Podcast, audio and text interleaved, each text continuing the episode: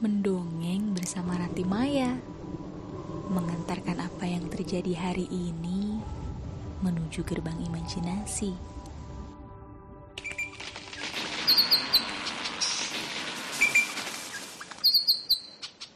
Bala Jenggala Episode Deru Bumi. Aku tercipta dengan tubuh yang terhampar luas sangat luas. Di tubuhku bersemayam sungai dan lautan, ikan, terumbu karang, dan hewan atau binatang berinsang lainnya hidup di dalamnya. Di tubuhku pun bersemayam bukit dan gunung-gunung yang menjulang tinggi. Pepohonan dan binatang pun banyak yang hidup di sana. Aku bisa menghidupi diriku sendiri dengan menumbuhkan pepohonan dan tanaman. Buah dan dedaunan dari pohon dapat menyuburkanku untuk kembali menumbuhkan mereka. Aku memiliki bagian tubuh yang menjadi paru-paruku, paru-paru dunia, alat pernapasanku.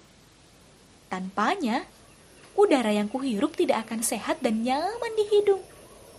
Ia adalah hutan, sumber kehidupan pohon-pohon yang membantu kita mendapatkan udara yang sangat segar. Hutan menjadi rumah bagi para binatang. Mereka saling menjaga dan melengkapi satu sama lain. Semua yang bersemayam di tubuhku hidup dengan nyaman dan saling menyayangi. Satu lagi, ada juga manusia yang tinggal di tubuhku. Aku dan bagian tubuhku adalah rumah bagi manusia. Apa yang kutumbuhkan dan kusediakan dapat manusia manfaatkan untuk bertahan hidup.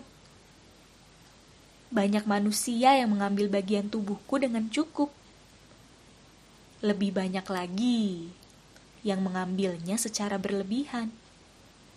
Aku adalah bumi, dan aku akan menceritakan suara-suara mereka yang hidup di hutan sejak manusia mengambil banyak hal di dalamnya.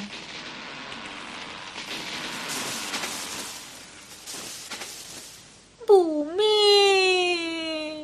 rumah kami hilang. Manusia begitu serakah. Mereka kan sudah mempunyai rumah.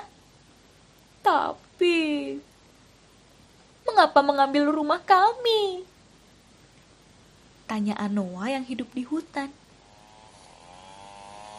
Saudara-saudaraku ditebang dan dibakar bumi. Aku menyaksikan kesakitan dari rintihan dan teriakan mereka di depan mataku sendiri. Mungkin aku pun tinggal menghitung hari menunggu waktunya bernasib sama seperti mereka. Apakah semua manusia memang begitu tega? Sahut pohon. Keluargaku pun ditembaki dan dikurung oleh manusia. Kami harus berpisah karenanya. Bumi, kita harus berbuat sesuatu agar manusia merasa jerah telah serakah mengambil bagian tubuhmu, menyakitimu, dan semua yang bersemayam di tubuhmu. Manusia sungguh tak mempedulikanmu sebagai rumah bagi mereka. Seru burung. Kawan-kawan, pernahkah kalian merasakan tergores atau tertusuk sesuatu yang tajam? Sampai tubuh kalian terluka. Bahkan kulit dan daging kalian membuka, hilang dari tempatnya. Sakitkah? Sedihkah?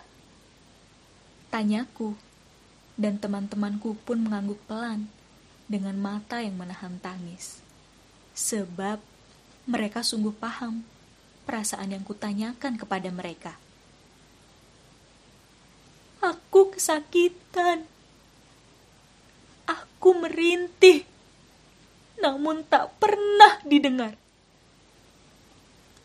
aku menyediakan semuanya bagi mereka. Bahan makanan, pakaian, dan tempat tinggal. Namun, mereka tak pernah merasa cukup dan ingin mendapatkan semua yang ada di tubuhku. Mereka berlomba-lomba menghabisiku sampai hatinya lebih keras dari batu. Dan bekulah perasaan mereka.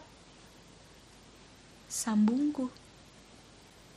Setelah mendengar perkataanku, pepohonan, binatang, batu, tanah, dan semua yang bersemayam di tubuhku pun menangis.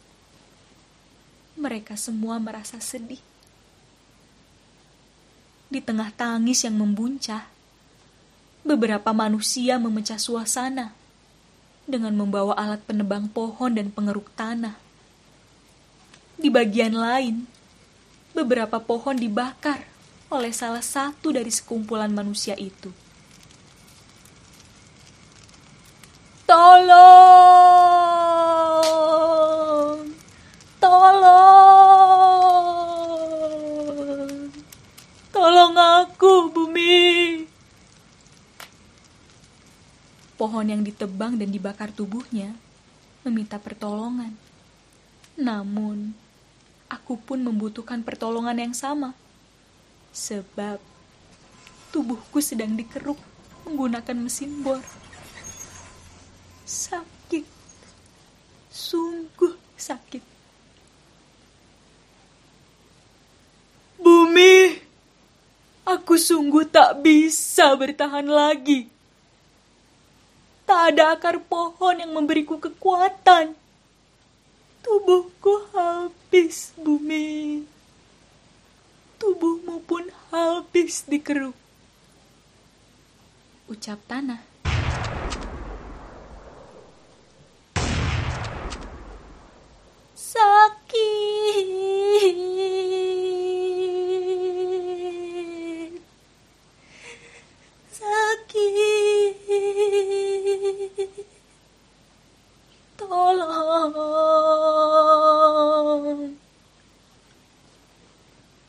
Rintih burung yang tertembak. Apa yang terjadi di bagian tubuhku, hutan, sangatlah gaduh. Semua makhluk merintih kesakitan, termasuk aku. Namun, para manusia itu seolah tak mendengar suara hati kami. Mereka tidak pernah bisa memposisikan dirinya jika menjadi salah satu dari kami yang mereka sakiti kawan-kawanku yang hidup di dalam perutku.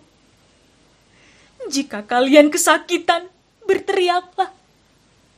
Berteriak agar para manusia ini mendengarkan kesakitan kalian. Perintahku yang sebetulnya sudah tidak tahan merasakan kesakitan. Ditambah menyaksikan teman-temanku sendiri tak berdaya. Sesaat setelah itu, tanah dan semua isinya bekerja sama untuk meneriakan kesakitan mereka. Tubuhku tergoncang karena suara mereka begitu menggema di dalam tubuhku. Tanah dan seisinya pun memanggil hujan untuk datang. Hujan! Bantu aku menumpahkan tubuhku kepada manusia-manusia ini. Sungguh, Aku ingin menimbun mereka agar mereka tahu rasanya disakiti dan mati. Ajak tanah kepada hujan. Semua kumpulan air di awan akan turun bersama-sama. Kita akan turun sangat deras. Seru hujan. Bumi, manusia serakah akan mendapat bencana dari perbuatannya sendiri. Kami datang karena mendengar tangisan dan rintihanmu yang sama sekali tak terdengar di telinga dan dirasa di hati manusia yang seolah tersumbat. Manusia membuat udara tempatku tinggal dan berkelana tidak sehat dan selalu sakit karena ulah mereka menghabisi hutan. Sungguh, kami akan datang bertubi-tubi jika mereka terus-menerus tidak sadar dengan akibat dari perbuatan mereka sendiri. Angin pun datang ingin membantu. Manusia, ketika kau menyakiti, maka kau akan mendapatkan sakit yang sama. Begitupun jika kau mau merawat kami, bumi, dan semua yang bersemayam di tubuhku, yang sudah menyediakan segala kebutuhan hidupmu, maka kami pun akan merawatmu. Sungguh, kau akan mendapatkan apa yang kau perbuat.